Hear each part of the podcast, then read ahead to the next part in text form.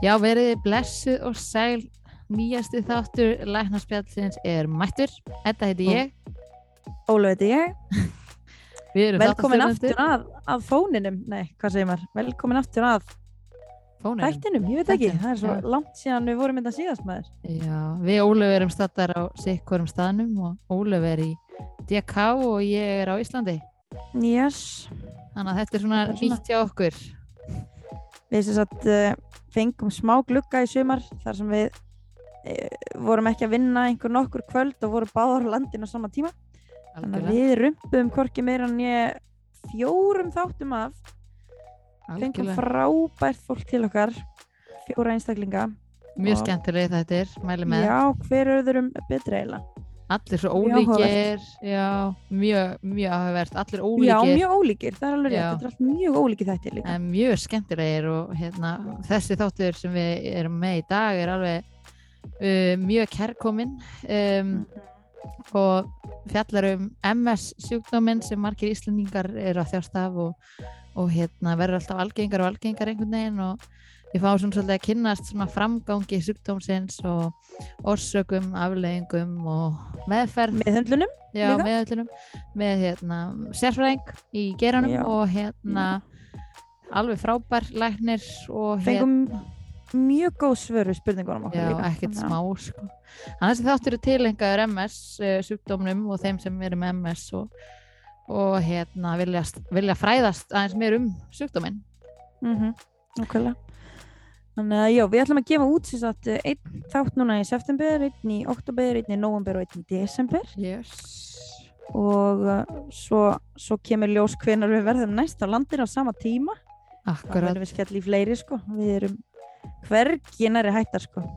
hverginari sko Nei, nei, nei, nei, herðu, svo erum Yes. við komið með átta nýja styrtaræðila Já, átta stykki, átta sko. Alveg frábær já. frábæri styrtaræðilar við erum svo hefnar og við erum svo þakkláttar að það er Já. bara takk Bara- fyrir að, að vera með og, og hlökkum til að að hérna, segja ykkur aðeins frá þeim. Já. Og nokkur er bara ok- okkar uppáhald sko þannig að maður er bara virkilega hamingsamur yes. með þetta allt saman. Ég við þá ekki bara að rúlla þættinum í gang, Ólaf Ég held að Ég held að gjöri svo vel Já, við pöntum okkur báðar tíma hjá húðfögrun Yes, og ég hef lengi haft augastað á þessum stað á þessari stofu húðfögrun og sérst, þetta er húðmeðferðarstofa sem að býr yfir eiginlega hvað 22 ára reynslu sem er ekkert smá í þessum geira. Rosalegt og sko. l- leggja mikið upp á því að sérst, bjóða upp á besta fáinlegu tækni og, og bara húðvörur á markanum hverju sinni, fylgjast vel með stefnunum. Og, og það er alveg sko algjör snild hvað þær eru með mikið úrval af náttúrulegum meðferðum eða sem að sem að, sem að sérst, virka þannig að, að, að húðin er örfuð á náttúrulegan hátt sem að sérst, ítir undir uppbyggingu hennar bara án yngripa í rauninni án, án, án já, svona ekstrím yngripa Já, mér finnst líka svo flott sko. Ég vissi ekki að húðfæðurinn eh, ég náttúrulega hef hýrt þetta nafn alveg ó- óteljandi skipti er svo margir sem Mhm. tala um, um húðfæðurinn uh, Mhm. ég vissi ekki að vera hjókuna fyrir einhver sem starfaðar fyrir bara fyrir ekki svo lengur síðan og, og hérna já, um eitt forveitnast með það og alla meðferð sem þær eru að sinna og, og svo og þær náttúrulega fóru með held ég sko svolítið það, það hugafar líka inn í þetta sko akkurat sko. heilbreyðis hliðina sko mér finnst það svo frábært og andinand inni svo góður, starfsmennir alveg þvílíkt flottir. Mm stofan svo falleg og svo mikið þetta er bara svo, svo fáið þjónusta að fá Mhm. allt, allar informationið þegar við erum í meðferðinni hvað er Mhm. að gera? Mér finnst Mhm. það æðislegt að fá að Já, fræðast það var farið yfir það alltaf skref fyrir skref alveg, já, nú erum við að gera Já. þetta og það hefur þessi áhrif og þessi áhrif Já, alveg mjög mikill metnaður laður í þetta. Mm Já, en allar þessar sko meðferðir eiga það sammeilegt að byggja húðina upp á náttúrulegan hátt eins og tölum við maðan Já, akkurat. Og sem að getur bætt ástand þetta er heilmikið, ástand sagt, húðurinnar heilmikið og það er það sem að heilla mig mest Já. með, við þessa stofu yfir höfuð sko. Já, mér veist, þið er, já, Já, mér fannst þið svo með nú fórum við Ólöfu báðar í húðslípanir og fórum einmitt í sikkvara típuna ég fór í með kristall og, og demant og hérna það var rosa svona einkennilegt að vera með einhverja kristall hérna fyrst og, og hérna kemur svona svolítið af kristallinum á húðina og, og svo kemur demanturinn yfir. Og mér finnst alveg magnað sko hvað þetta var, þetta var svo skemmtilegt að að vera með, að fá að fylgja með í þessu og þú fórst í hvað með ávastasýru eða ekki? Já, það var allt öðru sko, af því að það er svo mikill metnaður lagður í persónulega faglega þjónustu þarna og Mhm. þú veist það er sérsnýða löstindar svo mikið þörfum hvers og eins af því að ég fór hann inn og ætlaði í það sama þú og Já. nefndi síðan að ég væri með mjög þurra húð og eitthvað og þá var bara Já. já, heyrðu, með mjög þurra húð þá var freka mælt í því að ég færi sest, í, í Ávexti. sem að er, já, notu, sagt, þá notu síra já, og að því það heldur rakanum betur og þess var bara kipt í liði nýttur og bingo og ég þurfti ekkert nýjan tíma eða neitt það var bara, já, heyrðu, gerum þetta frekar og Ég við Ólu sko. já, og við, við Ólu munum kannski fá að sína ykkur hérna fyrir og eftir myndir hjá okkur og hérna Já, á Instagraminu þá sjáum við Mhm. þetta aðeins betur ekki, og Ó, þess má sann svo ekki, að má ekki gleyma því að starfsmenn á landsbytalegum fá 50% afslátt. wow að ég vissi það ekki þegar ég var að vinna. En- ég vissi ekki að því að Nei. ég hefði getað komið hana en það er gott, þannig að allir á LSA skellir ykkur í húfærun og, og afslátt starfsmannaskýrtinis. já, endilega húfærun, Mhm. húfærun.is kíkja á það. Herru já, nýr styrtaræðili Vestlunin Fitness Sport alveg Yes. frábært að fá þau með okkur í lið eh, við Ólöf, alveg elskum vöruna þeirra Þau bjó- bjóðum ha, Ha, nei, já, já. nei, bara maður þekkir svo margar sem að, sem að sem sagt stunda viðskipti þarna skilur og þekkir Nefnilega, marga sko. sem að eru mikið líka sagt eða einhvers konar reyfingu sem að sækja mikið í fitnessport þannig að við erum Mhm. mjög glöð að fá þau í lið með okkur algjörlega og þau bjóðum mitt upp á fjölbreytt úrval af fæðbúðefnum og, og hilsuverum til að hjálpa okkur að viðhelda góðri hilsu og ná markmiðum okkar Mhm. um, þau eru með náttúrulega búð hérna, fulla af alls konar fæðibótaefnum eins og ég sagði, eh, allt frá próteini yfir í, yfir í CBD olíu og einmitt Ólu ætlar að segja okkur betur frá því Já, við prófum hérna prótein sem heitir nektar misuprótein Já, sem að er heldur tiltölulega nýtt hjá þeim og Ok. okay. inniheldur engin kolvetni, enga fytu, glútenlögt og svo frýtt og þú getur Ok. fengið sko alveg alls konar típur það getur verið típur sem eru bara gjörsanlega með engum aukaefnum þannig að þetta sé hreint og það gerist í rauninni en svo getur þú fengið með, þú veist, auka, með svona, þú veist, bragðefnum og alls konar. Mm og hérna, svo líka ef maður er ekki alveg tilbúin að, þú veist, kaupa heilan dunga af einhverju bragði sem maður er ekki viss með þá er hægt að kaupa sko pröfur svona litlum pakningum svo getur sem sagt fengið svona smakkpröfu en við keftum hann að Ice Tea. Oh, og það var bara gjörst eins og Ice Tea sko. Já, er það gott á bræðið? já, já, það var bara eins og Ice Tea. Oh, það var ekki eins og að vera að drekka prótein þannig að það var alveg Já. mjög mikil pluss ég hef mitt landið að vera með svona öðru þessu prótein sem er maður kaupir sér eitthvað ákveði bræð og maður er alveg spenntur og vonar að þetta sé æðislegt að bræði með bústinu og svo er þetta bara Mhm. yfirgnæfandi mikið og, og maður bara, þetta íðilögur einhvern veginn bústin þannig að já, að ég er mjög spennt að prófa. Mjög spennt. Við allavega mælum mikið með þessu. Við erum mjög ána með þetta. Já, og bara eitt besta prótein sem að við erum prófað allavega. Ok, spennandi. En hvað með að- hérna já. þessa CBD-olíu var það eitthvað nýtt líka þeim? Já, hérna, við skoðum þetta svolítið í búðinni og CBD-óljur eru sagt, það er uh, bæði auka svefngæði, hafa sínt Já. fram á það og Mhm. minga kvíða og hjálpa til að hafa einhvern svona, þeir hafa einhvern slakandi áhrif og, og margar einstasögur sem sína fram á þetta þannig að þetta er að aukast rosalega mikið í dag bara mill- meðal sko íþróttafólksum og bara fólk sem er ekkert mikið endilega í íþróttum af því að áhrifin eru það mikil ok, og mér langaði samt að benda á sko að það er mikilvægt að, að CBD-olíða sem sé keift frá alveg vottuðum einstaklingum af því að það getur verið sagt ólögleg, ólöglegi parturinn já, líka í ólíunni ef að fólk kaupir þetta af ekki sagt, af einhver vafsum stöðum sko. þannig að það er eh, og þá getur fólk fallið á lífaprófi þannig að það Já. er mikilvægt að vita hvaðan varan kemur og kaupa góða Já. vöru þannig að þarna allavega er það garanterað að það er ekkert að fara að greinast í einum en einum eh, sem er að keppi í einhverju ef að gísast og nota CBD-ólíuna sem er selt hjá fitnessport ok, þetta er Þannig gæða að- bara greinlega Þetta er geðavara Herri, og og, ég held að þetta sé framleitt uh, þetta er frá framleiðenda í Breitlandi umbúðunar eru líka geggjaðar. Ok. Þannig að ok, ég spennt að sjá. Já, ándjóks En þið finnið allar upplýsingar um vörunar hjá Fitnessport inn á fitnessport.is eða þið getur líka bara kíkt við í verslunina á smiðjuvegi 6 sem er í Kópaví. yes. Þannig að endilega kíkja á þetta til hvort þið finnið ekki eitthvað við ykkar hæfi. en það við erum miklu nautansækir og við Yes. elskum meðal annars allt sem að tengist náttúru og náttúrulega. Oh, þannig að náttúrulaugar koma stertinn hjá okkur og mörgum og má það nefna krauma náttúrulaugar í borgarfyrði sem að mm eru, eru sextalsins og líka verða nefna borgarfyrði það er ekki langt að fara þangað sem er svo mikil snill þannig algjörlega. að það er hægt að skjótast. En já, í, í krauma eru laugarnar sextalsins þar sem er fimm heitar og ein köld. Og þar sem að mér finnst eitt að besta við þetta er að sem sagt, laugarnar innihalda hringt og tært vatn beint úr deildatungu hver sem er Ókei. kælt niður með, með varmaskiptum. Þannig að í laugunum er engöngu hveravatn Já, það er ok. engum sóttinastandi efnum bætt við heldur bara er hreinleikið þess treyður með mjög miklu vassrensli í laugarnar Já, ég sé það hreint- ekki. Nei, þetta er eins reynd og að gerist sko. Já, það er mjög gott, mjög gott. Mhm, mhm.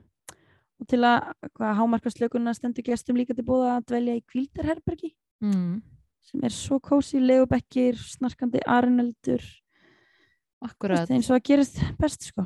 svo kósi. Já, að ég, ég fór í hérna krauma Já. og mér fannst það alveg eðislegt að þú veist, ekki bara það hvað var mikið hreinlæti, allt svo Mhm. hreint og fínt og, og bara huggulegt, góð stemming, ekki og mikið af fólki líka, bara svona Æ, það þægilegt. skiptir líka máli þegar staðir eru snirtilegir þú veist, Akkurat, og sko. huggulegir og maður finnur svona ah, að það slappa maður meira af Einmitt.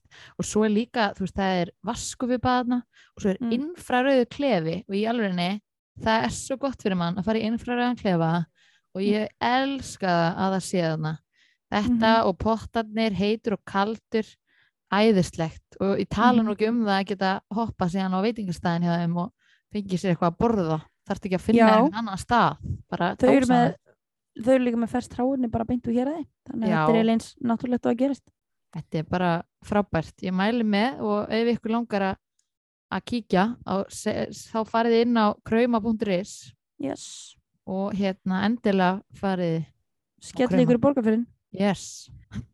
Herðu Ólöf, manstu þegar við unnum saman á matakjallarnum í den? yes. Það var gaman. er, það ekki, er það ekki svona fyrsti staður þar sem við almennilega kynntumst Ég, ég sverða, ég held það. Ég það var áður fórum í ég, það var áður fórum leksfræði Já, kannski er það bara, þetta var bara örlega rík, rík stund þannig að við unnum saman. Já. Annars værum við ekki hér að tala. Nei, Nei, segðu, segðu. Jú, sennilega, við hefum kynst slókju en þú veist, við þekktum staðins fyrir þannig að það var Akkurat. bónus En matakjallarinn, það er sko frábær veitingastæður. Ég, Mhm. Það er svo erfitt að finna sko öll orðin til að lýsa matakjallarinum. Ég veit Já, að Ólöf getur verið smá bæjast til við unnum hana, en í alvegni ég elska þetta hefur- stað. Þetta hefur verið einn af mínum uppáhalds bara frá því hann opnaði sko Já, og ég meina maður fer á veitingastæði Reykjavík og maður ber saman og meðvitað eða meðvitað og, og Já, þetta hefur alltaf verið bara topp bara topp þrýr og í fyrsta sæti. Það hefur aldrei neitt náð að, að trompa matakjallaran hjá mér. Já, ég hérna sest, mjög svo næs að líka, þú veist hvað, 50 dag, förstu dag lögata held ég, þá eru þau líka með live piano tónlist, svona dinner tónlist. Og svo ef að stemmingin er þannig í húsinu þá er stundum eitthvað sing-along eða Já. þú veist, koma svona meira svona, svona stemmingslög, svo úrslega er skemmtilegt. það er svo æðislegt við tala nú ekki um alla matinn hjá þeim sko. það er náttúrulega tígrisrækjurnar og það er nauta carpaccio og hvað var aftur uppáldið þitt Ólöf? upp á halsréttir minn, túnatartar. Já, ég sko gerði þetta eins og mér þess að uh, sem forrétt held ég um jól já, og ég fekk manni minn eins og til þess að líka búa þetta til þetta í Danmarku þannig að hann gerði einhvers konar ein, einhvers konar útferðsla en er, svo náttúrulega gæsunum minni þá komið mér óvart og voru að græja dúnatartar fyrir mig. Þetta er þetta er alveg next bara level sko. eitt uppáhaldsréttir minn bara ever sko. Og steikaplattin, ég held að hann sé eitt uppáhald, mesta uppáhald, fólk er alltaf hissa þegar ég segi sko, úrst að fá tvennskins kjöt og humar á einu bretti með gremmiti og kartöflum þetta Já. er algjör gæða matur sko já, algjörlega, það er alveg rétt sko. finna græmmetisfæði, veganfæði, kjöt, Jöps. fisk, það er allt þarna öll flóran og ég mæli með Lion Bar í eftir rétt Mhm.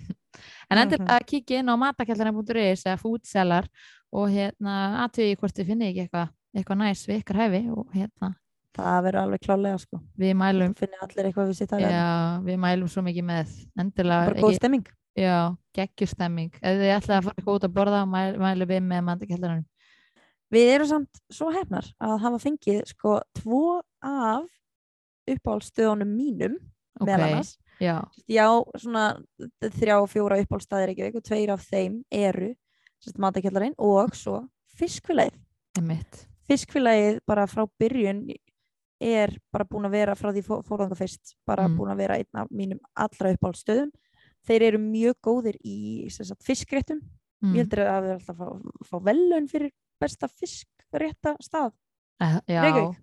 þeir eru alveg Já. frábærir í fisk ég fekk einhvern Já. tímann hörpuskilana já, þeir eru líka með sushi hana, já, þetta er, var ef ykkur langar að trýta ykkur með sushi þá myndi ég fara alveg Það er frábær alveg- matur já, en það eru mikil gæði í, í matnamanna og veist, þetta er eins og segja, eins og talar um mm. maður ber alla reynslu saman við þú veist, matinn eins og matinn sem er gerður á, fisk, á fiskfélaginu sko. þetta Já. er bara þetta er klálega af, af ástæði einn af mínum uppáhalds og það er og- gæði í fyrirrúmi þarna já, það er alveg það er að fara í svona, þú veist, kynningaferð svona eins og Ísland og alls konar matsela þarna og bæði fórittir náttúrulega eða aðalittir sér eða bara hvernig sem maður vill hafa það.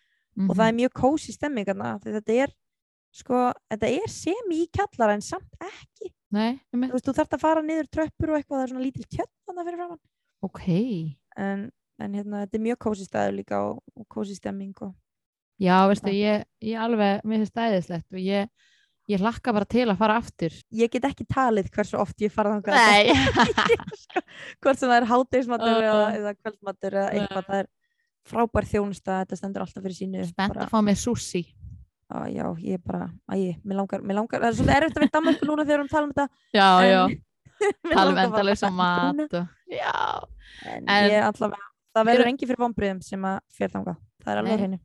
Við erum spennt að fara og vonum að, að hérna, að þið farið nú bara og skemmtu ykkur eins og fáið ykkur, farið nú bara út að borða og og prófið, prófið fiskfélagi í alvörinni, mælum með. Það er, yes, og það er hægt að finna það sérst, upplýsingar á fiskfélagið eða fiskkompany.is yes, herru því að við Mhm. Ólöf erum svo mikið fyrir að borða.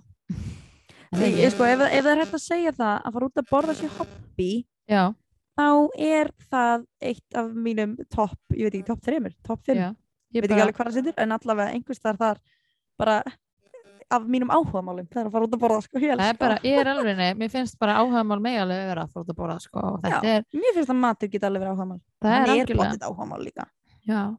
En heyrðu, sko við Ólöf ætlum að skella okkur í búblubrönns og hérna á Kól restaurant. Og Kól restaurant er hérna á skólaðustík Mhm. um, mjög ofalega mjög ofalega þetta er svo fallegt þarna í alvörinni Mhm, mhm. og búblubrönsin, ég fór í hann og mér finnst hann alveg geggjaður þetta er svona bland í póka af svona smáréttum Mhm. og hérna ég smárið. tígrisrækjur, kjúklingur og vafla sem er alveg frábært brönns, pönnukaka egg benedikt og svo í eftirrétt svona júsu og karamella og ég alveg Mm. tala því ég fekk þetta ég var Mm. orðin sött bara eftir sko, eftir annan réttin og ég var bara að reyna bara að hafa mig alla í það að fara að fá mér sko, hérna, brönns pönnukukun og egg benedikt sko, þetta var alveg og En það ég, verður engin, engin svangur sem Nei. fer út. Nei, nei, nei. maður þarf svolítið bara svona að setja aðeins og drekka vatn og aðeins að slaka á og, og hérna býða, bara njóta stundar en ekki vera að drífa sig eiga, eiga svolítið góðan tíma bara til þess að njóta matarinn. Þannig að við mælum með að þið kíkja á kólrestaurant.is við getum skoðað þetta þar Alltaf Yes. gott að gera vel við sér í hátteginu, sko. það er geggjað, elskum hátegis brönns Já, brýtur upp á daginn. Herðu Define the line, Ólaf Já. veistu hvað það er? Já. Já, Við höldum áfram með he- þemað, sem sagt, eh, erum búin að að tala um, um uh, fæðibútarefni fyrir, uh, fyrir þá sem er líkansækt og nú er það í rauninni uh, búnaðurinn, fatnaðurinn. Akkurat, við höldum áfram. Yes. og Define the Line já, við, hérna, Define the Line er hérna, fyrirtæki sem eh, Lína Birgitta stofnaði og það er íþrótta vöru vestlun í raun þetta er uh, íþróttaföt uh, Mhm, bland við svona cozy galla og svona, mhm. svona þægilegt outfit, þú ferði í rektina ímyndaðir að fara í rektina bara í bara þægilegum fötum, ekkert svona eitthvað svona sem pyrraði buksunar eru of hérna, litlar, eh, stórar veist, þetta er allt bara sniðað að manni sjálfum og það er góð þjónusta Mér langar að búa í þessum kósigulum sko. ég er bara, ég horfa á þetta ég hugsa bara, Já. vá þetta er, þetta er alveg, ég hef búin að fylgjast með the Line lengi, ég á vöru frá þeim og mér finnst það frábærar Mhm. ég Þetta er líka svo sniðut, þú þú getur fundið svo, svo margt, þú veist, þú getur fundið veist, nokkra típur, mm. Mm. nokkra típur af íþróttatoppum, þú veist, það eru peysur, viltu hafa peysu sem fyrir upp í háls, viltu ekki peysu sem fyrir niður, þú veist, viltu peysu sem fyrir ekki upp í háls, viltu hafa hana með hettu, viltu hafa hana renda, þú veist, þetta er, það er þetta er svona bland í boka sko.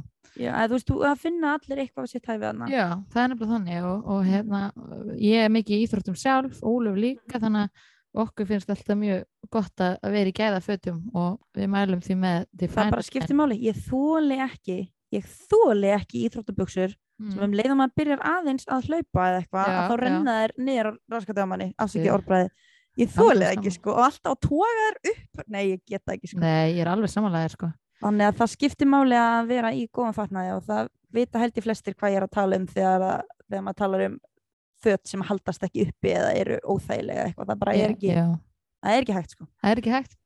Um, Define the line sport.com kíkja á þetta, aðtöku hvort þið Mhm. sjáu ekki eitthvað eitthva vikar hæfi. Þetta er, þetta er gæða Ándjóks. í alvörinni ekki á göllunum líka sko eru til í mörgu litum Haugur Hjaltarsson fættist í Reykjavík en á góða rætur í Árnes og Rangavallasíslu. Hann ólst upp í Vogakverfi Reykjavíkur og gekk þar í Vogaskóla og svo í mentarskóla við Sund. Hann fór svo í nám í sálfræði HÍ og lög BA-prófi árið 1982 og svo læknaprófi við sama skóla árið 1988.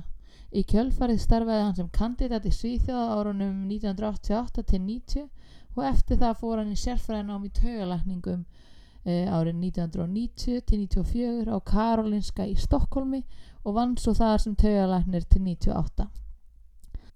Hann lög doktorsprófi við Karolinska Institutet árið 1997 og svo vinna snýrist mikið um klíniska rannsóknir á gömstóli eða hemispatial neglect. Frá árinu 1999 hefur verið starfandi taugalæknir á taugadeild landspítala og hinn síðari árin verið dósent og svo prófessor í taugalækningum. Þá er ekki eftir neinu öðra að býða. Haugur Hjaltason, gjörið þið svo vel.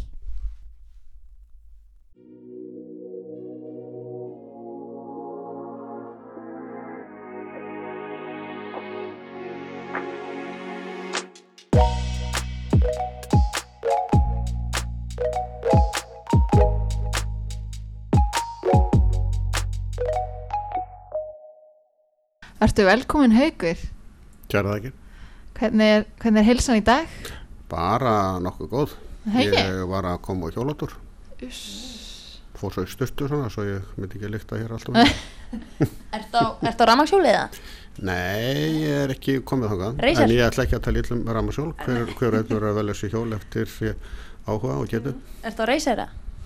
Nei, ég er nú að borga hjólið en svo á ég fjallahjólinn í bílsku líka. Já, það er að fara í stökuna Það er algjörlega sko. Allir að hjóla upp á elgósunni og svona Herðu, segðu okkur aðeins frá þér Haugur. Hver er Haugur og hvar var hann fættur uppalinn? Haukur er nú bara fættur uppalinn í eh, Reykjavík. Mm. Vogamöður. Langkosvegur og Skeiðavogur og svo upp í núna í hérna Kvassalitinum. En eh, ég enn og rætu mínar eru á Suðurlandi, svona Árnesíslu og Rangóðarsíslu. Þannig ég líti aldrei á mig sem, sem sunnlending líka og hérna ja, svona velkunnur á því öllu svæði og þekki fólk þar og, og ferðast mikið þangað, mjög, fyrir mjög oft í sveituna. Ok. Hver er uppáhaldstaðir þinn á Suðurlandi? uh, uppáhaldstæðan á Suðurlandi þarna fórstu nú alveg með mig Gengin meira upp alls en annars. Nei, ég held ekki. Það er, um, ég, fæði minn er á Árnesíslu og móður, og mamma mín var úr Ránkváðarsíslu, þannig að ég á mér sér þetta aðeins að ég vil ekki gera upp á milli þeirra sísla. Það er allt í læg, við hleypur í gegnum það. hvernig, hérna, hvernig varstu sem barn? Varstu orku mikið barn? Já, ég var talin svona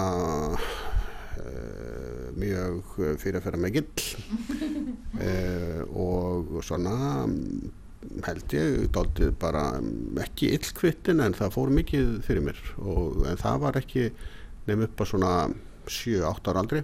Okay. og þá svona var ég allur róleri Mm já já, svo var ég nú bara ekki neitt sérstaklega fyrirferða mikill ég held ég að verið mjög venjulegur, kannski bara leðilegur hennar milli, veit það ekki Áttu þá sískinni sem varst eitthvað að hrækjast? Já, það gekk á ymsu, ég á tvo bræður, einn, eh, einn yngri bróður, hann Ómar sem er geðlagnir Já. og svo eigum við eh, eldri bróður, hálbróður, hann Pálma, Ok. hef mikið samband við þá. Þannig að það er mikil gauðra gangur. Já, það gekk ymslegt á og svona, með þetta hefnaðist allt saman bærilega.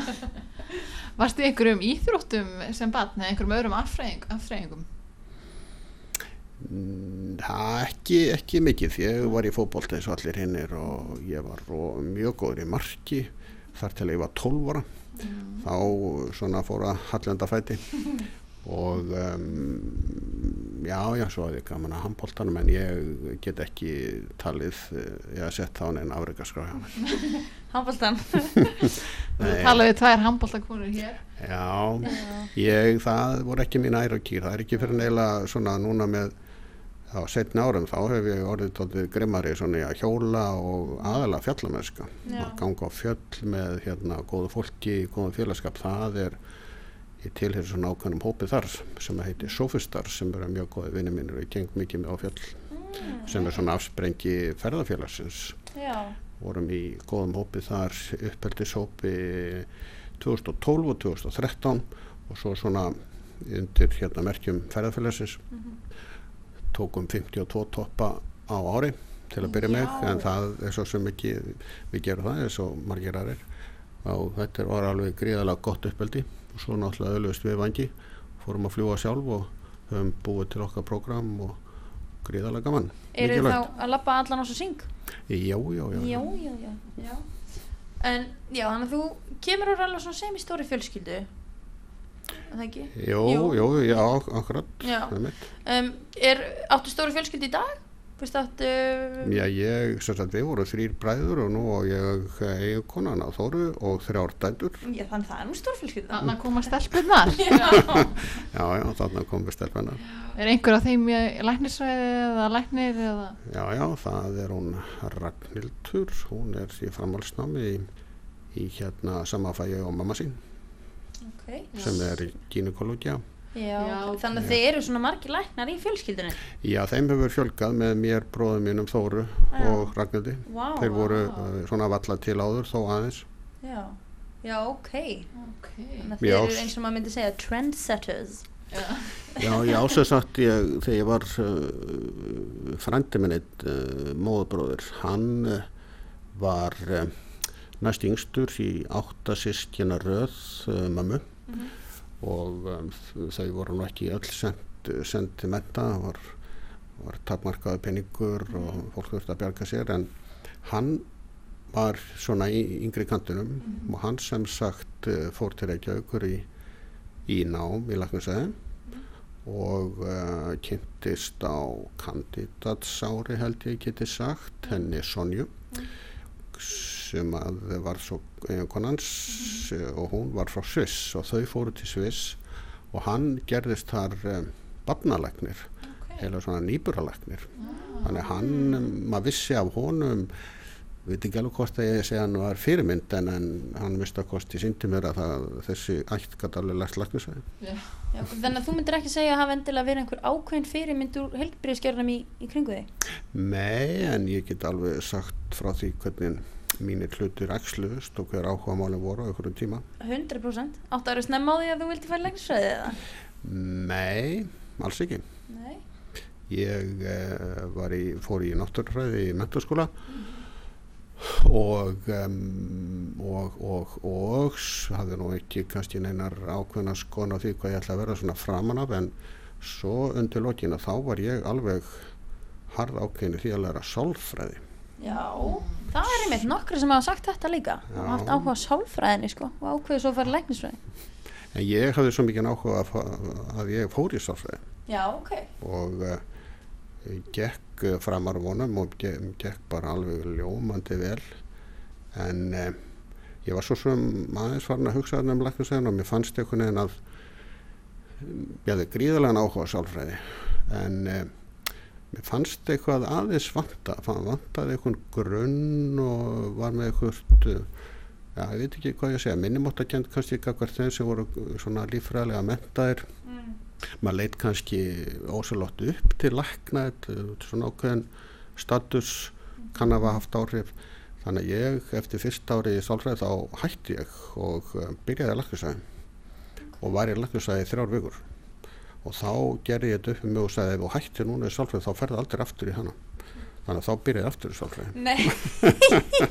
Og þá ákvaði ég að klára sálfræðinámið sem ég gerði lauk uh, BS prófi í sálfræði 1982 Já, og um, þá hafði ég gríðarlega áhuga að halda fram og um, þurfti svona aðeins að hugsa mig um hvernig það átt að vera. Og svona farin að leita út til landsteinuna hvert ég ætti að fara og skal ég eitthvað segja þá hérna eh, fekk ég mikið áhuga á svona kannski eitthvað sem að tengist tölvum, artificial intelligence tölvu eftirlíkingar um, gagnavinnslu hugans og hitt og þetta.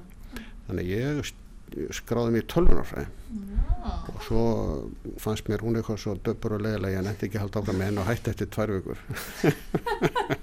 Og þá var ég án að setna eitthvað með framhaldið þannig að þá fór ég bara að vinna á geðdeild landsbytara svo vann þar í svona tæft ár 33 sé. Og það var mikill og góður skóli. Þá vann ég sem, sem gæslumar þar í tæft ár og þar kynntist ég um, ímsu í gæðlækisvæði sem að ég hef aldrei kynst síðar. Já, og það er bísna góður einsla en þegar ég var uh, búin í því já þá ákvað ég að um, að um, ég vissi ekki alveg nákvæmlega hvernig ég ætla að halda áfram í, í sálfræðinu. Þá ákveði bara að fara í læknisvæði á meðan ég var að hugsa um hvernig ég ætti að halda áfram í sálfræðinu. Þetta er briljant og eh, ég eiginlega fór valla í læknisvæði, ég fór í nevrologi ég var búin að ákveða að ég ætla að fara í nevrologi eða töguleikningar Já, þannig ef ég hef ekki ef, ef töguleikningar hefði ekki verið þá er ekki við sem ég hef farið í ég skil. En ég hef verið spurðað því ætlar ekki að fara í geðlæknisvæði, búin að vinna á geðtildinni og sálfræði mentar hann áður. Ég er náttúrulega ekki, já, sálfræði mentar, ég með, eða BA BS, eins og það hétt í þá daga, það er enda BS í dag.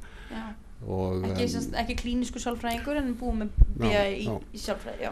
Og þá sagt fór í læknisvæðina og, og hérna og uh, það gekk bara ákveðlega og held áfram í henni og svo svo sem sagt uh, endaði ég, getur tekið það kannski hans eftir eða núna, ég veit ekki, þá bara endaði ég í minni í mínu framhaldsnámi töguleikningum og fór þangað.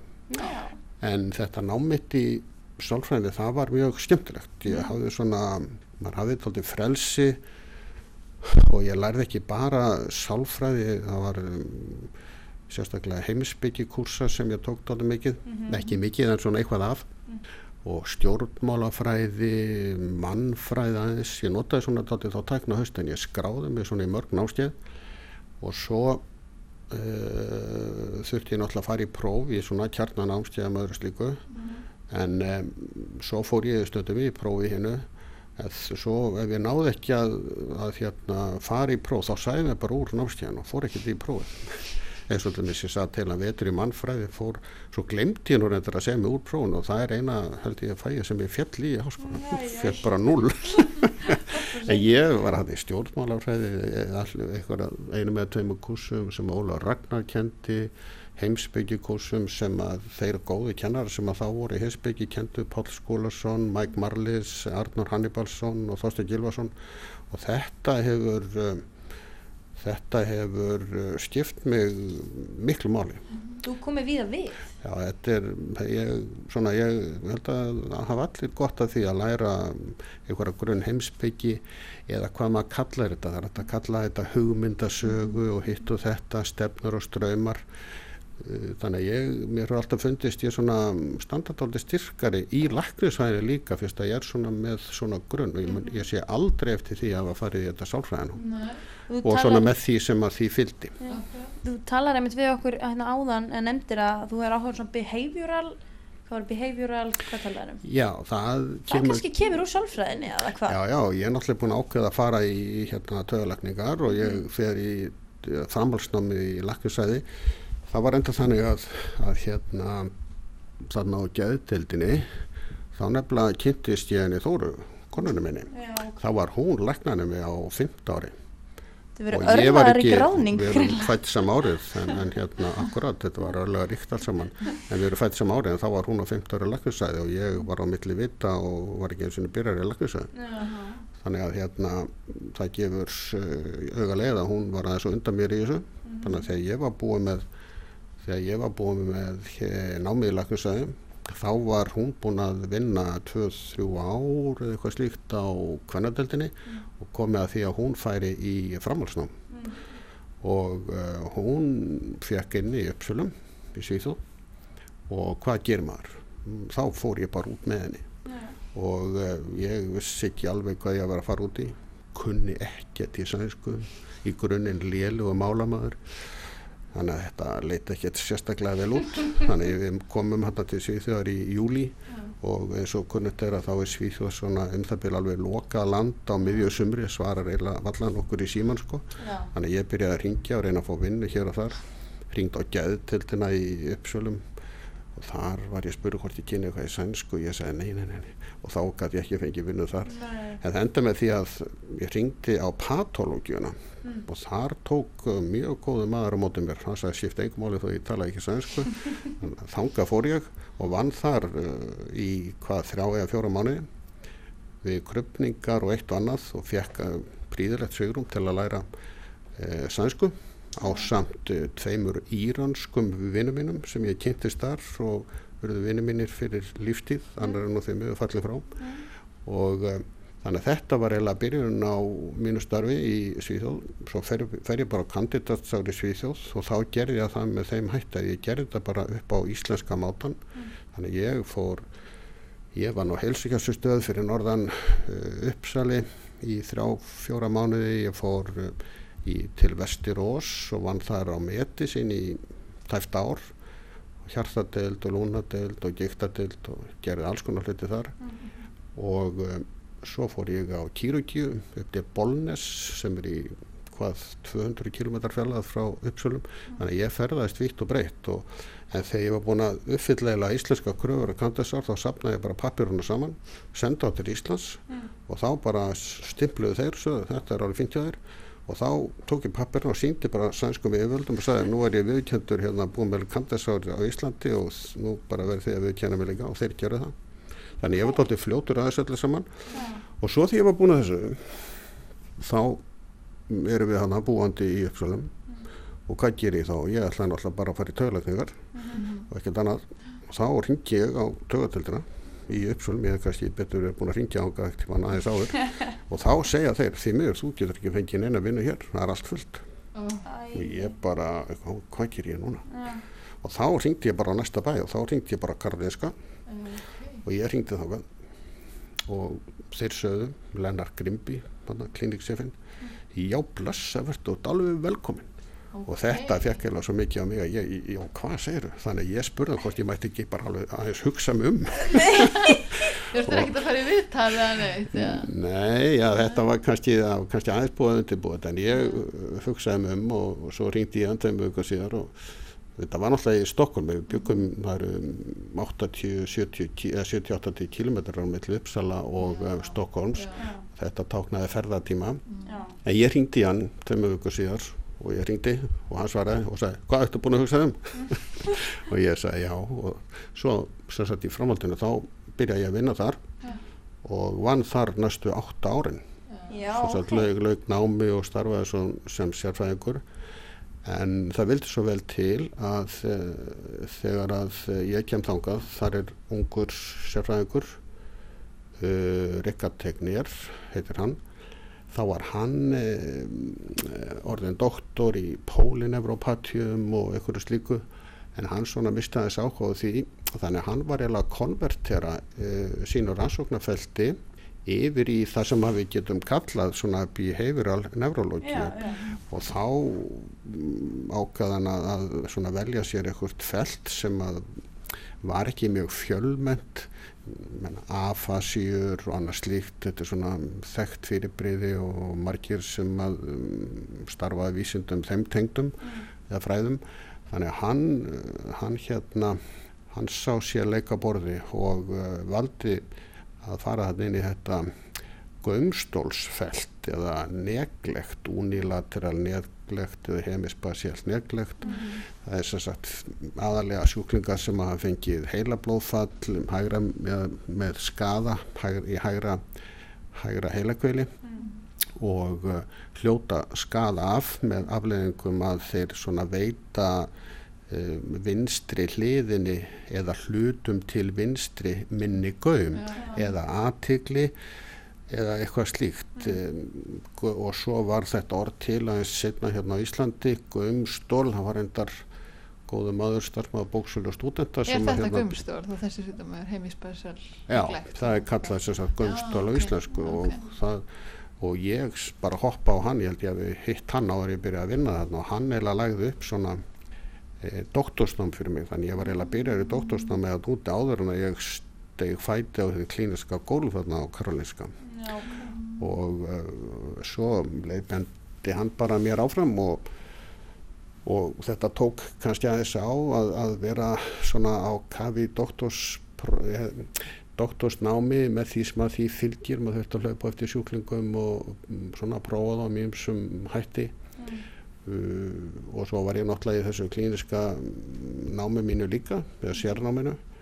En þetta tókst allt saman bærilega. Þannig að þegar við vorum mm, já og þá sem sagt þurfti ég alltaf að fara á milli. Með það gekk svona stórslisa laust þegar maður fer svona á milli þá getur maður haft að býsna gott sjálfur sko. þá bara ég ætlaði að keira að einhverju leiti en ég gafst nú fljótlega upp á því þannig að það er lestin sem að gildir. En það er ekkert mjög erfitt að sitja í lest. Þá bara hjóla maður í lestin og fær hreyfing út úr því, svo sittur maður í lestin og slappar af. Lestir eru einn, bara bara einn uppáhaldsferðamótin minn sko. það er bara þú getur staðið upp og hreift þig og þú ert á jörðinni en þú kemst hraðar samt. Þú veist þetta er snill en maður þarf, að, maður þarf að fara aðeins fyrir staðamótana svo kemur kannski aðeins setna og þá þannig alltaf þá þannig alltaf makin heima að ná í börnin og svo framvegst þannig að þetta er kannski svona heimilisálaga lítið ég ætlaði að og- spyrja um það. Voruð þið byrjað að stofna fjölskyldur ykkar á þessum tíma? Já, við, við eignumst uh, þrjár dætur, úti? stilu tveimur sérnámum og tveimur doktorsveikjarum á sjö árum. Hvernig átta. hvernig náðum við að púsla þessu saman Já, þetta, ger, þetta gerist bara allt og bara með býstna áreinslu lausum hætti. Já. Við byggum uppsölum í tíu ár og átt ár vann ég þess að þetta í Stokkólmi og uh, í kringum okkur uh, svona síðust, síð, síðustu átt árin þá bjó, byggu myndislegir Íslandingar félagar mínir aðalega af hérna árinu og verðu miklir og góði fjölskyldavinnur okkar og eru það áfram. Þannig að krakkarnir fóru að hlaupa þarna. Um, það var bara um, svalir í svalir næstu því og dásanlegt uh, að lifa við svona aðstæður. Þannig að það, það fólk uh, var svona tóltið okkar netverk en svo var maður auðvitað tóltið fjær svona sinni stór fjölskyldu það eru það eru hérna mínusar við það. Já. en það eru ákveðni plúsa við þetta allt líka. Maður bara einbytti sér að sjálfu sér og maður var ekkert að hlaupa í bíó eða eitthvað svo leiðis og ég held ég hef alltaf farið í göngutúr á kvöldin í nokkur ár sko. Ég get alveg trúið því sko. Ég var alltaf búin að hjóla í lestina, það er ekki það? En hvernig var svona vaktaálegið á Karolinska? Var það mikið eða þú varst í námi? þegar ég kem til Karolinska 1990 þá er þetta allt frekar rólegt.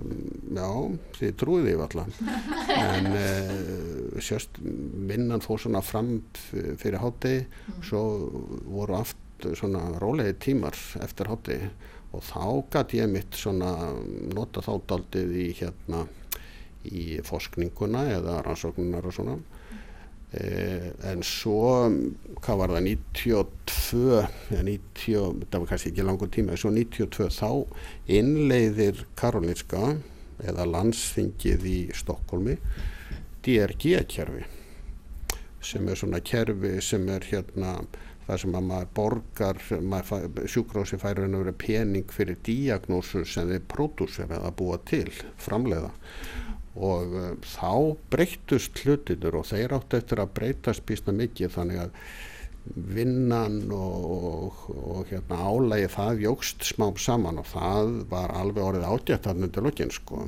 Þá til að byrja með þá mm, var maður á, á hérna nætuvöktum og þá fór maður þangað klukkan fjóra á daginn og svo var maður til 10-11 og þá var maður lagt sig og svo samaður flesta nætur svo vaknaði og fór að vinna daginn eftir og fór heim klukkan fjór en það svo breytist það svona setjabartin og þá þurfti ég nú ofta að vinna tóltið fram í nóttina og þá kannski held ég ekki alveg út að vinna daginn eftir til fjögur. Þetta voru svona tóltið öðru sér tímar sem ég veit ekki hvort að unglagnar í dag nú er þetta skipulaða svo flarmeðis og þannig var það orðið í lokin. En það var fýtt tímið þarna á Karolinska fínir, fínir sérfræðingar og allt það ég ætla aðeins að segja frá því að þar voru það var ákveðin hefð fyrir því að eða hefð, nokkrir uh, Íslandingar hafðu lært taugalækningan á Karolinska um, Ástjær B. Ellert sem var svo fyrsti Greta Guðmusson Torfi Magnússon uh, og Fimboi góðvinu minn Jakobsson sem að vinna nú hér núna hann var á Karolinska þegar ég kom. Og hann hann var svona aðeins búin að undirbúa þetta sko. þannig að þegar ég hringdi þetta á sínu tíma þá held ég að það hefði nú verið þannig að það var aðeins búið að prepara þetta sko. Segja frá. Hann er nú alveg, alveg, alveg já. skemmtilegur en nei, nei, og allt, eh, allt fór þetta bara ágætlega og svo sem sagt, já, svo að því að Rikard Tegner tók þarna á móti mér þá var ég svona aðeins búin að búin að um, fara þangað sem að ég ætlaði mig kannski eitthvað tíman í byrjun. Þannig að ég veit ekki alveg en ég held ekki að ég haldi áfram í formlegu sálfræðin á mig Ekki þessu ég held þetta sé komið. Það verður nú flott að bæta einu mynda klíniskum sálfræði. Já, já, en uh, bara til að halda, halda því til haga að hvernig svona hlutir koma til og hvar áhugi kviknar og allt það. Meni, ég byrjaði í mentaskóla með sálfræði, sálfræði áhuga svo er ég búin að rekja þetta hvernig hlutir til rækslast. Um, Óma bróður minn hann reynda byrjaði í laknisæði ára undan mér. Þannig að það var svo sem ákveði styrkur fyrir mér líka. Hann var byrjaður og búin að ná þessi fyrsta ári. Þegar ég byrjaði í laknisæðinni e, 8, 10 og 2 að þá er það eiginlega held ég fyrsta fyrsta árið sem að svona harður númerus klásu skildir. Já, það máttu allir skrá sig í laknisæðina en það var bara vita mál að 36 myndu ná. Já, og það byrjaði þarna um haustu örugla svona 150 manns. Þannig að þetta, það var svona stresstónus og uh, það var ekki inntökuprófið eða neitt svolítið, ég veit ekkert hvað það er. Ég myndi ekki að ná nokkur inntökuprófi. En maður bara byrjaði og svo, svo reyndi maður að vera duglegur.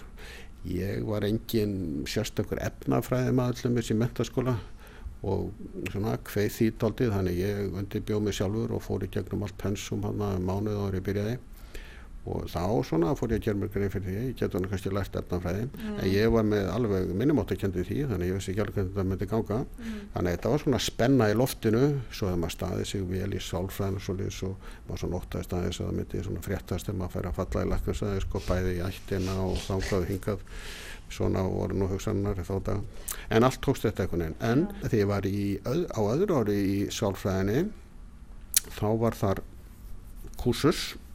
kúsus lífeðlisfræðileg sálfræðin eins og það heitir. Já. og uh, hluta af því námskeiði kendi Ernir Snorrason heitinn og kollega. Hann var sem sagt sálfræðingur að fara í taugarsálfræði til Fraklands og, uh, og um, kom svo og sprenglaruði þaðan sem klíniskur taugarsálfræðingur og fór að vinna vinna á grensásteldinni og var svona konsulterandi og ráðgjafandi á landsbyggðalum og hann kemur og kennir þetta í þessu námskeiði.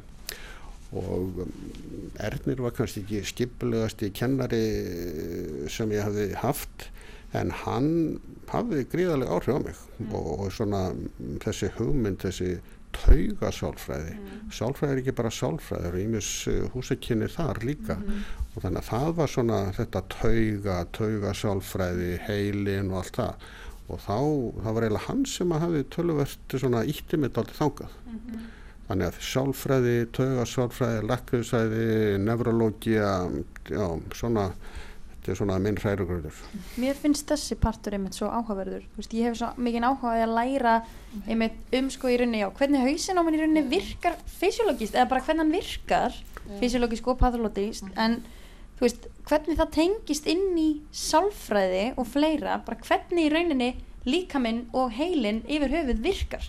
Þú veist, frá lífælisfræðilegu sjónarhóndi mér finnst þetta mjög áhugavert sko. ég hef leitað mér að podcastum og það sem hefur verið að ræða þetta og mér finnst þetta mjög áhugavert. Algjörlega, og ég held að, ég held að skipti máli að hérna, eins og mm, þetta hlaup mitt einhvern veginn sem ég er búin að uh, segja frá, maður verður fyrir áreitum eða svona stimulusum og, uh, og hérna, þeir svona reyna á mann hef ég áhuga menna það var alls konar hlutir þarna sem að voru svona mm, örlagaríkir á mínu ferli getum við sagt. Þetta er svona svipað eins og í í hérna barnauppeldi held ég, ég held að það sé mikilvægt að, að útsetja börn, maður má ekki segja þetta kannski útsetja en svona leifa börnum að reyna mismöndi hluti, dans eða íþróttir, læra hluti um að já, ég get kannski nota fórumi sko þegar ég byrjaði þarna í háskólu þá bara skráði mér nógu mörg námskeið. Og já, sjá svona hvað ákverju myndi hafa áhuga. Ef að maður kynnist ekki ef að maður verður ekki fyrir hlutunum að þá kynnist maður þeim ekki. Það er að segja útsetja sjálfan sig einhvern veginn til að hérna, taka inn og svo vinsa maður úr og ákveður hvað er, hver brautum verður góð punktur. En svona þegar við erum að tala um taugalækningar, uh, hvað finnst þið vera svona mest spennandi við sérgreinina hérna? taugalækningar eru eru dálítið sérstakt fag finnst mér eh, að því leiti til að sjálfsögðu þetta fjallar um heilan og heilin er um, spennandi. Öllum finnst sitt líffæri kannski spennandi segja það ekki. En hérna nefrológia er breið allt frá því að vera frá vöðva, taug, mæna og svo allt það sem að heilin býður upp á. Þetta eru margbreytilegi sjúkdómar uh, og uh, svo kannski ekki síst svona þessi hugsunar og hegðunarlegi þáttur. Það er að segja mm, og, og sem að felst aldrei í því já hvað ég segja við getum sagt taugaskoðun. Ég er nýbúin að vera að taka móti í hópi lagnanema núna og kenna þeim um taugaskoðun sem ég mun halda áfram að gera. Sko fó- lagnar eru sumi hverjir eða gildir skoðunar hefur minkað mikið í hérna ýmsum greinum í takt við betri rannsóknaðferður og það á líka við í taugalækningum. Ég ætla ekki að, að hérna, neita því. Sjáu bara segulómun hún skiptir gríðalega máli í taugalækningum en taugaskoðun hún skiptir áfram miklu máli.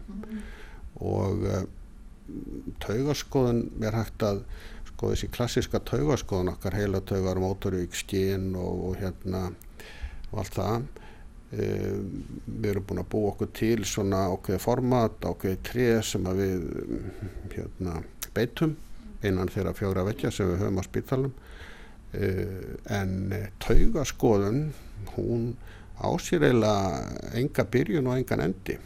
Taugaskoðun líkur aldrei. Ég held þessu fram.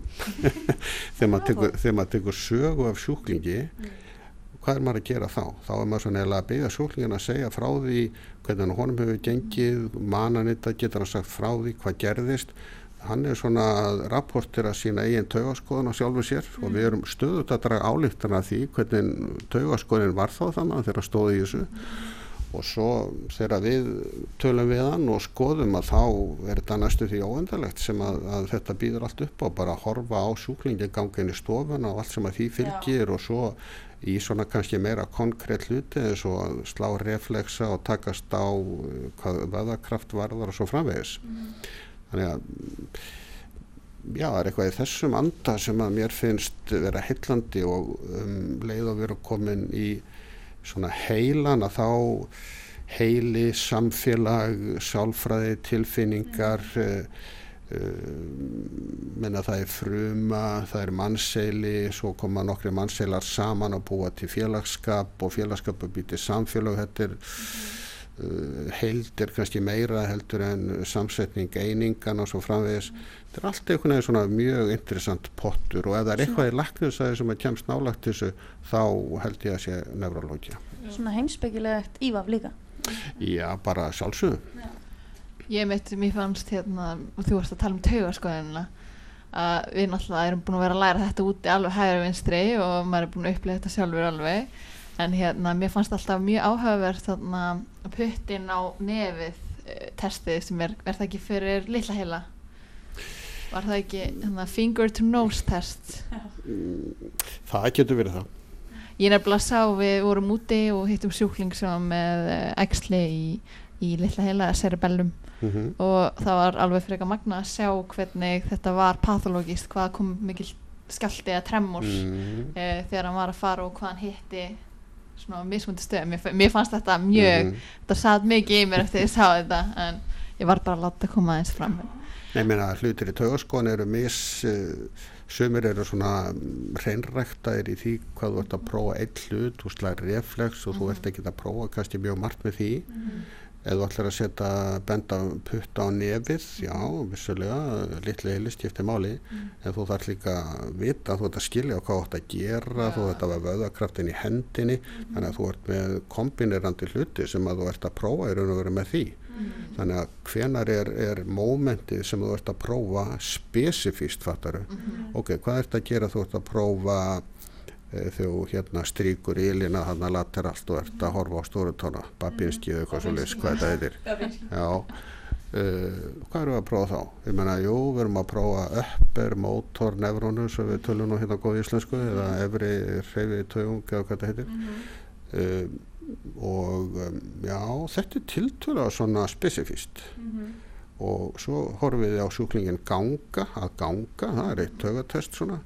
Það er, þá erum við komin í eitthvað sem er svona miklu markþættara það er ekki bara vöðvarnir, það er líka jafnvægið mm og þú ert að skinja undir ílinni, þú þarfst að ákveða að ganga áfram. Þannig að þættirni sem við erum að prófa hverju sinni, þetta er mikilvægt að vita svona hvað við erum að horfa á og hvernig Já. við getum dreigið álíktanir bara fólk sem að missi stjórnstöðuna heila bílun og svo framvið sjáu hvernig það fer með fólk það, mm -hmm. það hættir að geta tekið kannski á þannig að þið get ekki prófa vöðvakraftin alveg fættið, mm -hmm. bara það hefur áhrif á slíkt og svo hefur það áhrif á margt annað líka mm -hmm. En hvað myndur þú segja að væri svona erfiðast við tögulegnisfræði? þína sérgrein er eitthvað sem að dettur í hug svona fljótu bræði mm, ég held að um, erfiðast í svona klínisku starfi er það þegar að um, ef að manni hefur ekki tekist nú vel til mm.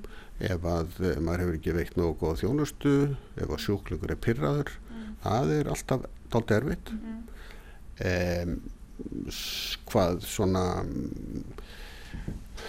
hvað mig var það sérstaklega þá held ég að álægið hefur verið daldið mikið og, og hérna eiginlega erfitt þegar maður hefur ekki tíma einhvern veginn til að eh, vinna vinnu sína almennlega Mhm. sérstaklega maður er eitthvað að dunda sér ekki bara við klínikin á gólfinu eða líka kjensla, maður er að halda einhverja fyrirlestra og tala ekki um að það kom eitthvað fræði í þetta svona þessi stöðu að kent einhvern veginn að, að hérna stöðu að kent tímaleysis hún Já. fer dálítið illa með mann Mm.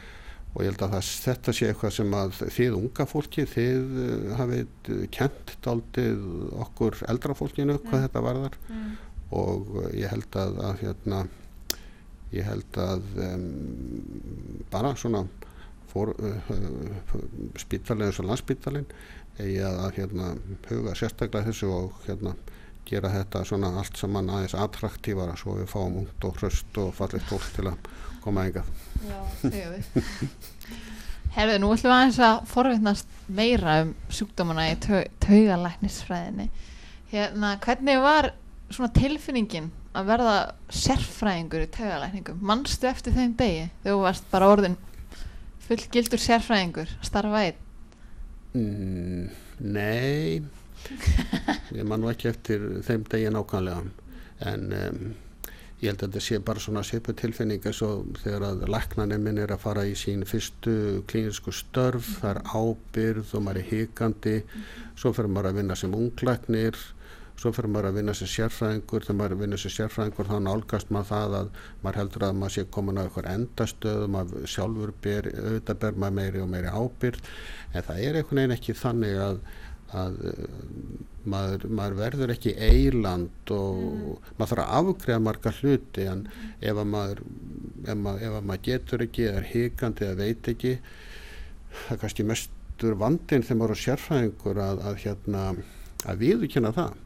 Vegna þess að maður lifir stöðugt í svona samfélagi það eru góður kollegarar í kringum mann maður getur búið sér til tíma til að fletta upp hlutum og lesa en á hverju stíja þá er maður kannski, þá er hika manni og ég held að það sé bara tótið sipa þegar maður er að fara frá nema og upp í kandidat og, og svo áfram og, og þannig að ég um, svo bara eflist, það er, það er enginn sem að kemur úr sérnámi sem að er einhvern veginn sem að kann þetta allt. Og þá vantar vissa reynslu. Það segir sér sjálf sérnámi fimm ár og hvað gerist þá eftir fimm ár og einn dag? Ég meina það er ekki breyting á því þetta var heldur, þróun heldur áfram og maður bara hefur auð og eiru opinn og heldur áfram að læra og afla sér reynslu Alltaf að læra eitthvað nýtt.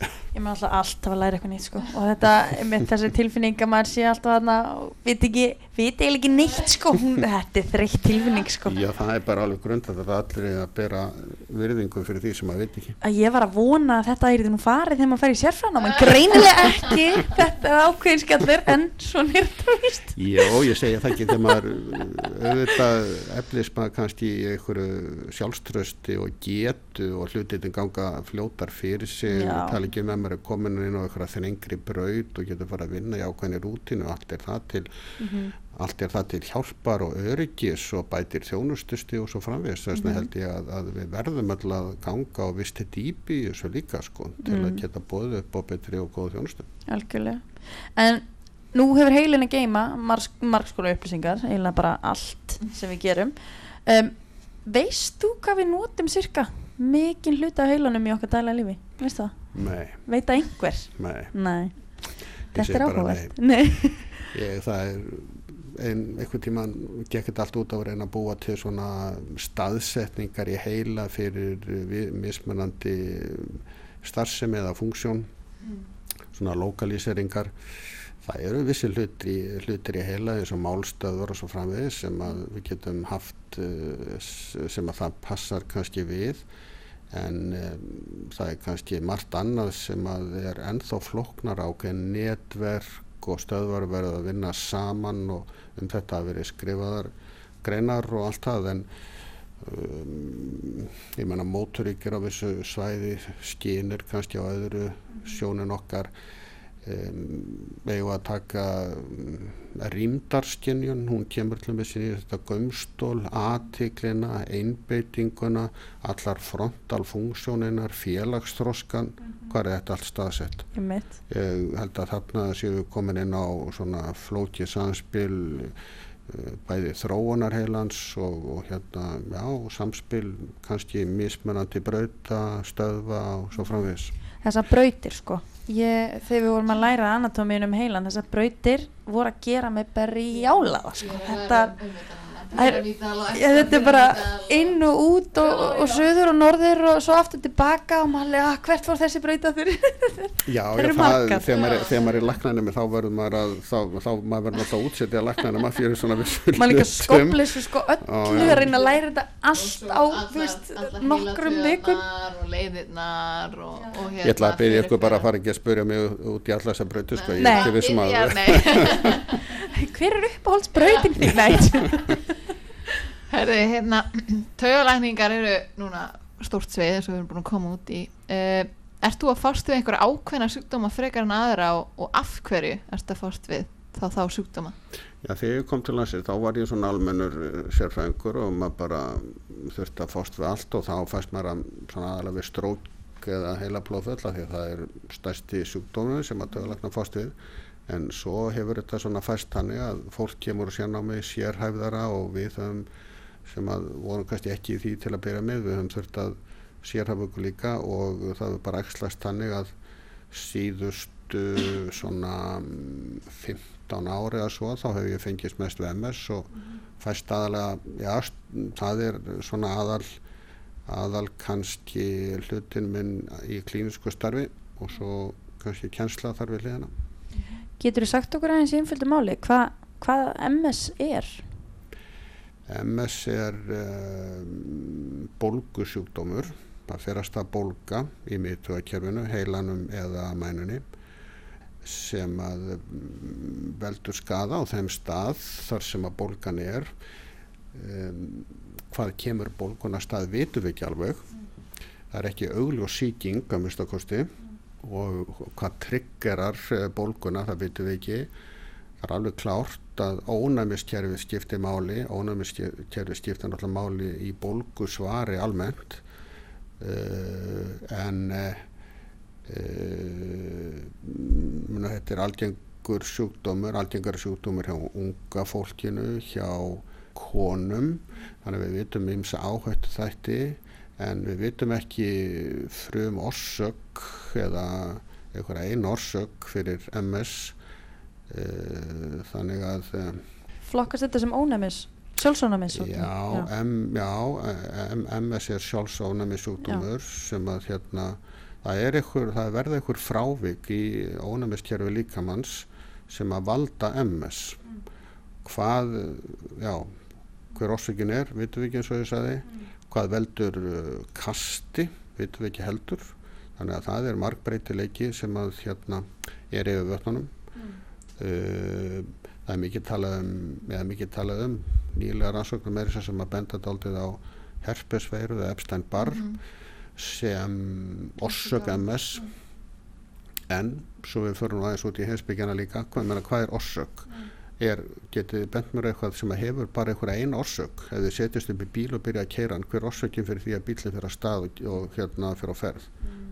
Er það að að stiga á bensínið eða eða eitthvað annað. Þannig með dekk eða eða já, akkurat Já, einmitt. en uh, sko Epstein Barveira hún er kannski nöðsynlegur þáttur og þar með orsaka þáttur. En uh, það eru svo margir sem að smitast af henni að hún getur eiginlega ekki verið næjanleg það verður ímislegt annað að vera til staða líka til að MS mynd færist á þetta.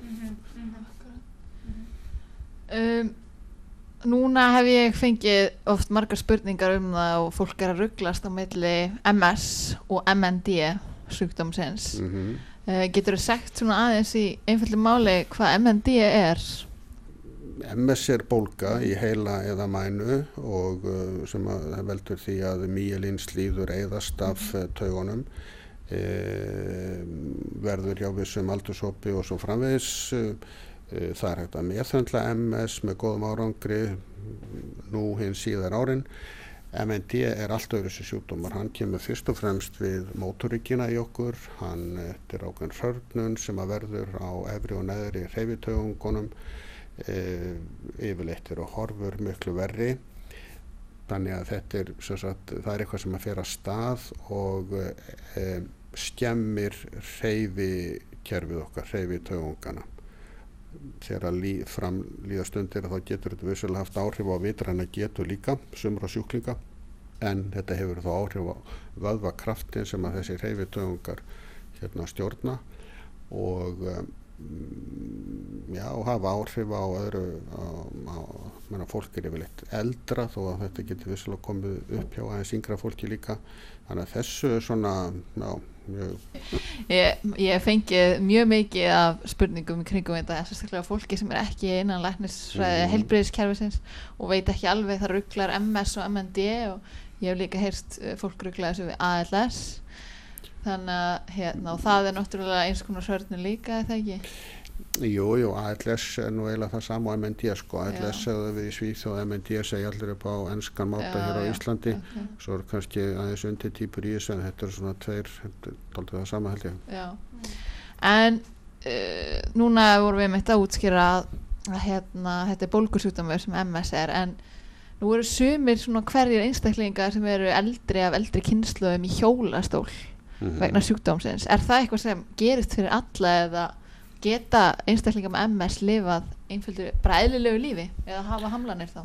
uh, stjerkgöngu geta á hjólastólinu var hlutskipti allt og margra hérna áður. Uh, núna hinn síðustu árin síðustu 15-20 meðferð MS kom til svona rétt fyrir síðustu aldamót var ekki alltaf kröftug. 2006 gerast þessi hlutir þá kemur mjög gott lifamarkað kemur ekki til Íslands fyrir 2008 um, svo hafa bæst við mörg lif eftir það þannig að það er virk og góð meðferð til núna þannig að um, að um, svona uh, horfurnar eru allt aðrar heldur en hér áður. Um, ég, held að ég geti fullir það. Með þessari lifugjöf erum við að koma í veg fyrir kost og allt það og með kostunum er vonandi búið að koma í veg fyrir um, svona hægfara vestnun sem að getur orðið í MS um, það er kannski aðeins og snemt að fullir um þetta en ég held að við séum á góðri leið með að komast þangað. Er um, helsta aukning þú veist, verður hún eftir þessi köst sem þú talar um? Nei, sko MS er 85% kastasjúkdómur. Já, ok. og sumir kostur þannig að maður nær sér stundum alveg að kasti og stundum ekki. Þannig að maður getur vissilega verið með svona einkenni eftir kast sem að sitja eftir eða rest, resteinkenni.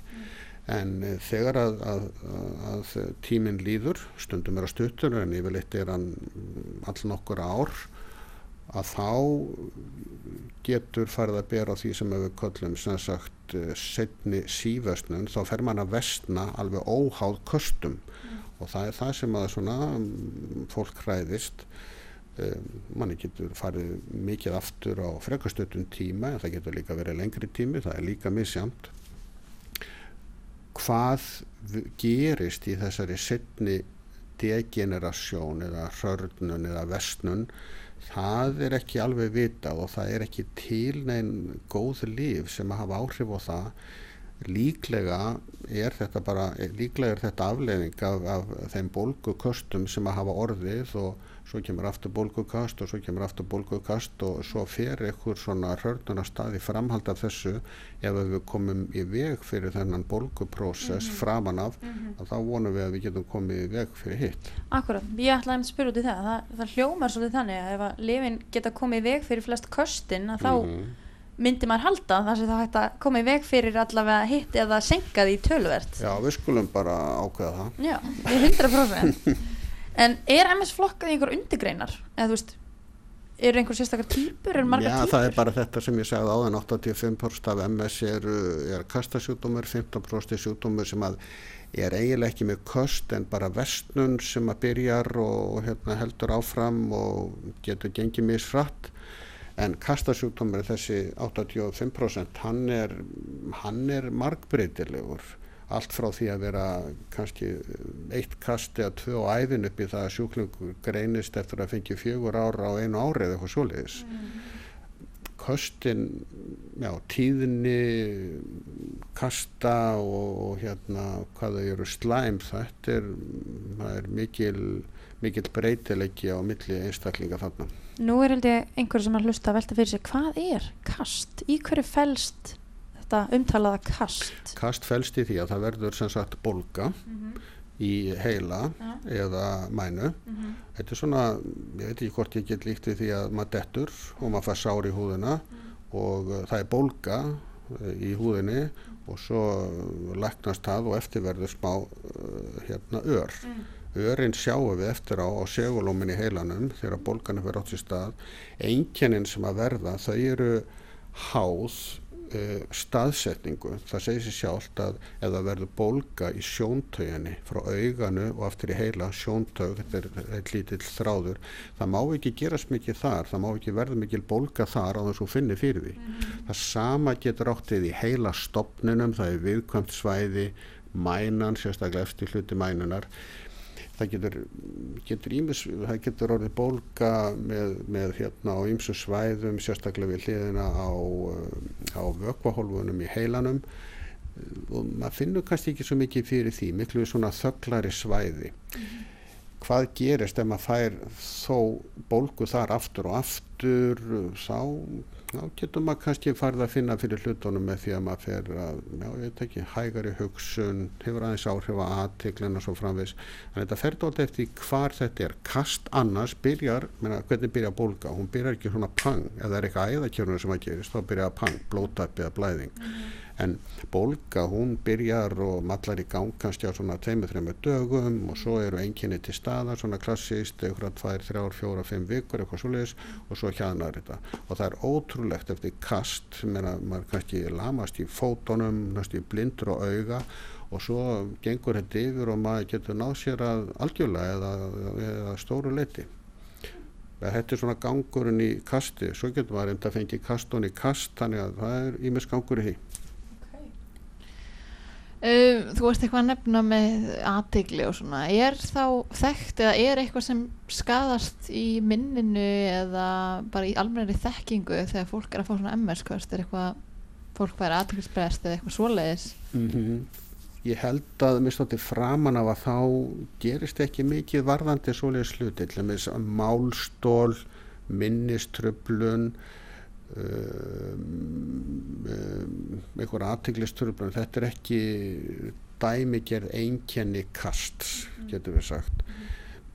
Það er meira svona, eins og ég var að segja á þann að svona hugsunarhraði og minni almennt eitthvað slíkt svona þegar maður eldist aðeins og, og, og, hérna kostin hafa verið all okkur að þá kannski getur það sett sín spór en það er þetta líst minniströflum tengt eh, kostum, ég ætla ekki að útloka það alveg en, en svona kognitív einkenni eru ekki alveg svona dæmigjar kasta einkenni flóg, það er ekki dæmigjar kasta einkenni höfuverkur er ekki dæmigjar kasta einkenni ekki en mann tengis kannski sjóntögabolgu þannig að það eru svona söm einkenni sem eru dæmigjar kasta einkenni en önnur ekki. En hvaða lif eru helst notuð við MS í dag? Það voru mikið framþróun í því eins og töluður um áðan. Já, það eru, við erum komið með uh, mjög góð lif sem eru bara að bremsa kostin mjög vel og um, Eru þau þá svona, þú veist, sem að fólk tekur bara stanslu sem fyrirbyggjandi eða finnur það að kast er að koma og tekur þá eða? Nei, það eru, það eru fyrirbyggjandi lif sem að hérna, verður að nota regluböndi og allt frá því að vera hilkið að töflu sem að maður tekur tvissar á dag og upp í það að fá kannski lif í æð einu sinni til tvissar árim. Þannig að það er svona, það er spektrum hvað það varðar. Þessi lif hafa öll með einhverjum hætti áhrif á ónæmiskerfið. Uh, og uh, kannski eftir að svara svona vissum spurningum uh, MS er breytilegu sjúdómur eins og ég er búin að segja. Hann getur verið mjög vægur. Hann getur verið ekki mjög vægur er einhver hluti af MS sjúklingum sem er eiginlega óþarfi að setja inn meðferð hjá þar að segja við myndum ákveða bara meðþöndla alla alltaf eins og svona hefur nú stundu verið haldið fram að maður eigi bara að vera nógu fljótur inn með meðferð erum við þá að meðhöndla að óþörfu uh, einhvern hluta sjúklingana með tilheyrandi kostnaði, hugsalegum aukaverkunum og svo framvegis. Uh, við höfum eftir að fá svona betri svör við þessu. Uh, með virkari livjameðferð þá er sjúklingafjöldin að stækka sem að hefur verið á livjameðferð lengi og er að verða komin á efri ár. Hvað tóknar það? Hvenar á maður að, hve- á maður að hætta meðferð á einhverju stíi eða er þetta meðferð sem maður bara byrjar á ung aldur og svo heldur maður áfram þar til að maður verður 65 eða 75 eða 80 svar ekki alveg orðið klárt en ég held að eftir svona vonandi eftir svona 5-15 ár þá veitum við ennþá meira um þetta. Er til einhver stoppfrumu meðferð við MS? Já, já, það er stopprömmu meðferð hefur verið beitt með misjöfnum árangri. Besti árangur stopprömmu meðferðar er hjá ungu fólki sem að fær klárköst og henni beitt uh, henni ja, var kannski meira beitt áður en að beittari líf komu, nú eru bísna góð líf sem að hafa gert hana óþarfa en, en stopprömmu meðferð stopprömmu meðferð þegar maður fær eigin frumur hún það hún er til og hún getur gagnast mjög vel og hún getur nánast komið veg fyrir kost ef það er eitthvað sem að getur hugsalega verið talin lækning við MS þá er það stopprömmumeðferð en stopprömmumeðferð er stopprömmumeðferð og hún er ekki alveg hættulaus og það er ekki þannig að við ætlum að fara að beita stopprömmumeðferð alla þegar greinast en, uh, en það eru gögn og reynsla sem að sína það að stopprömmumeðferð hún getur sannarlega skila árangri MS Þannig að skrifi niður að fólk byrji þá kannski á fyrirbyggjandi lifjum áður en það fer þá í Já, já, algjörlega. já, og algjörlega. reyna allt Já. fyrst. Já, re- allt, reyna allt, ég kann ekki við það orðalag. Reyna hitt fyrst.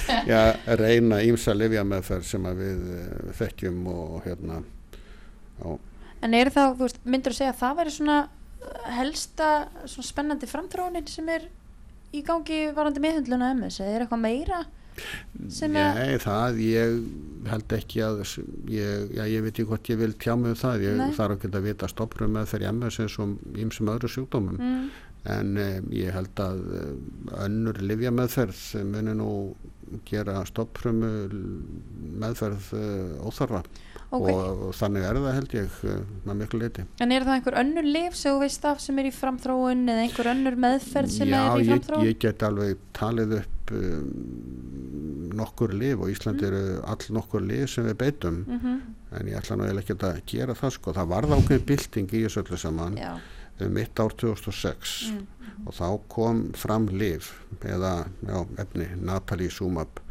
sem að um, sjúklingar fengu á fjóra vekna fresti í æð, nú gefum það meira á sex vekna fresti og um, veldur því að svona hvít blókott sem eru ræst til óhæfu verka til að ráðast á taugafrömmur þau komast ekki út úr æðakerfinu. Lifið blokkjerar uh,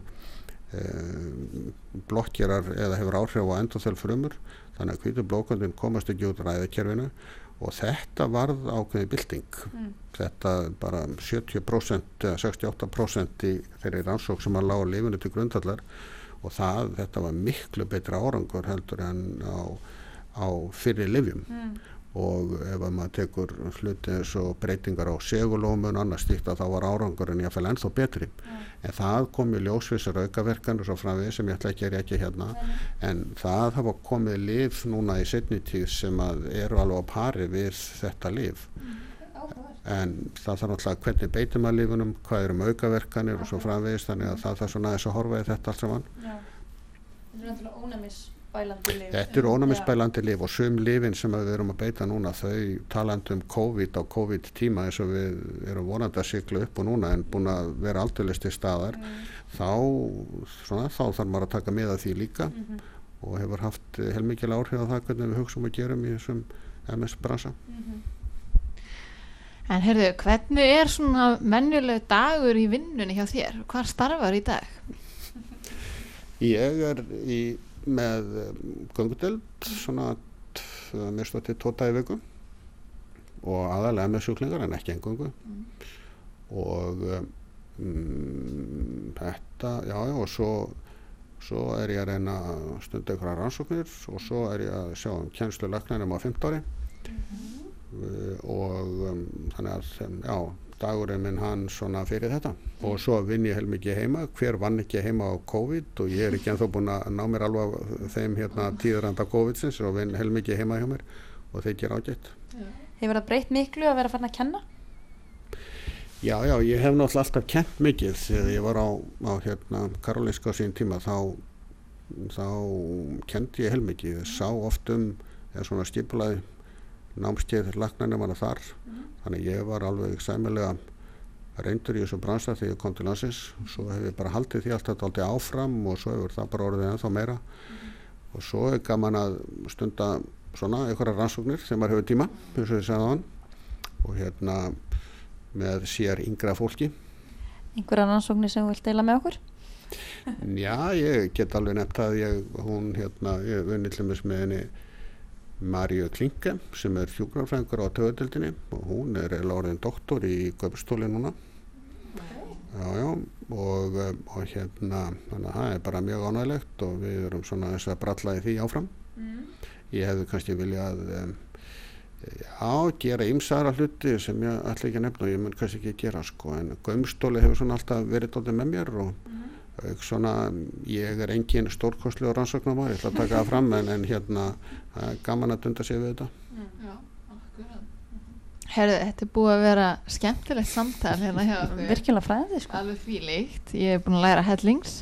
Uh, en svona að lokum, ef það er einhver að hlusta hérna og hefur áhuga að fara í læknisfræði eða hefur áhuga á taugalækningum, uh, væri eitthvað sem þú myndi vilja segja við, viðkomandi, einhver ráð?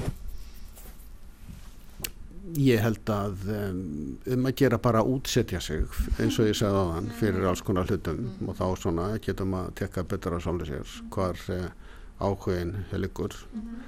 Uh, áhugi skiptir miklu máli. Mótivasjón er hugtak sem að sem að er mikilvægt að eh, að vinna með þegar maður fæst við sjálfa sig og kennslu. Að því að ef þú hefur áhuga að þá skapar það virkni hjá þér og ef þú hefur áhuga á hlutunum þá mannstu það alveg klálega betur.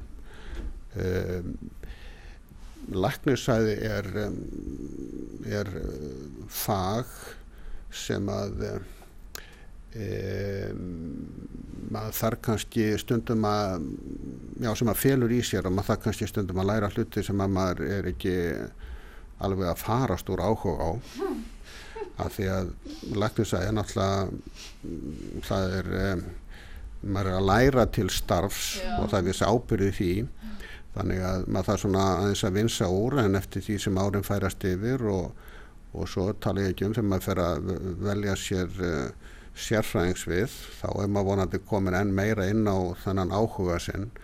Þannig að það er kannski ég veit ekki, sumir hafa áhuga því að vera almenni leknir, sumir stefnaði svo undirritaður beint á einhvern einn enda punkt og uh, allt eftir því hvernig svo gata er vörðuð að þá getur verið ákveðin fórnarkostnaður.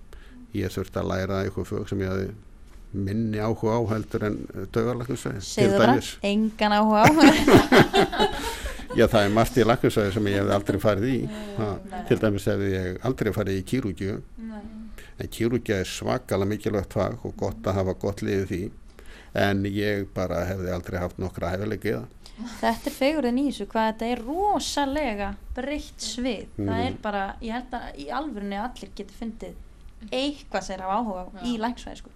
Já, ég myndi alltaf ég að halda það sammála því og flestir alltaf en sem sagt að þetta fyrir tótið tími í þetta og maður það svona læra hitt og þetta Já. Herðu, takk kærlega fyrir komuna ykkur, það var mjög gaman að fá þig. Takk kærlega fyrir spjallið Já, takk sem leiðis og vonandi að einhver hafi áhuga að hlusta á þetta Það er því svo sannar Já, ég vissu það. Já, þið voru að hlusta á Haug Hjaltarsson, taugalækni. Ólaug, hvernig fannst þið þátturinn? ég er bara bara smá orðlaus eða þú veist það er svo mikið af upplýsingum núna sem ég, eða þú veist, margt sem ég vissi ekki. Mér finnst það alveg frábær þáttur sko. Hann er alveg, og Haugur svo skemmtilegur og gaman að vita einmitt að sálfræði hérna námið hans og allt þetta Já. sem hann gerði, mér finnst þetta alveg magnað, hans leið. þetta, mér finnst þetta líka bara sína fólki einhvern veginn, það er allt hægt. Og maður gerir hlutina bara eftir því sem henda manni, það þarf, þurfi ekki allir að vera steiftir í sama mótið eða fara sömu leiðina sko. akkurat Nýstum að fylgja því sem maður hefur áhuga á. Einmitt. En ef, að, ef að þið viljið vera uh, hérna svona einn tún með næstu þætti, mælu við Ólöf með að þið fylgja okkur á Instagram, uh, Jep. lækna spjallið á Instagram Mm uh, og endilega subscribe-ið líka inn á, inn á helstu hlaðarsveitum eins og Apple Podcast, Google Podcast og Spotify og þá sjáu þið alltaf svona fremst þegar nýr þáttu kemur og rótrúlega það er Já, þá missið ekki af því eða þurfið að, að hugsa sérstaklega út í það, þá kemur það bara inn af því að við Já. erum að gefa það út einu sinni í mánuði, þannig að þá fer það ekki fram hjá okkur. Nei. Og við bara hlökkum til að heyri ykkur næst, það bara að við sjáumst eftir mánuð, er það ekki alveg? Jú, þakka ykkur fyrir samfélgina í Billy. Yes, bless, bless. Bye.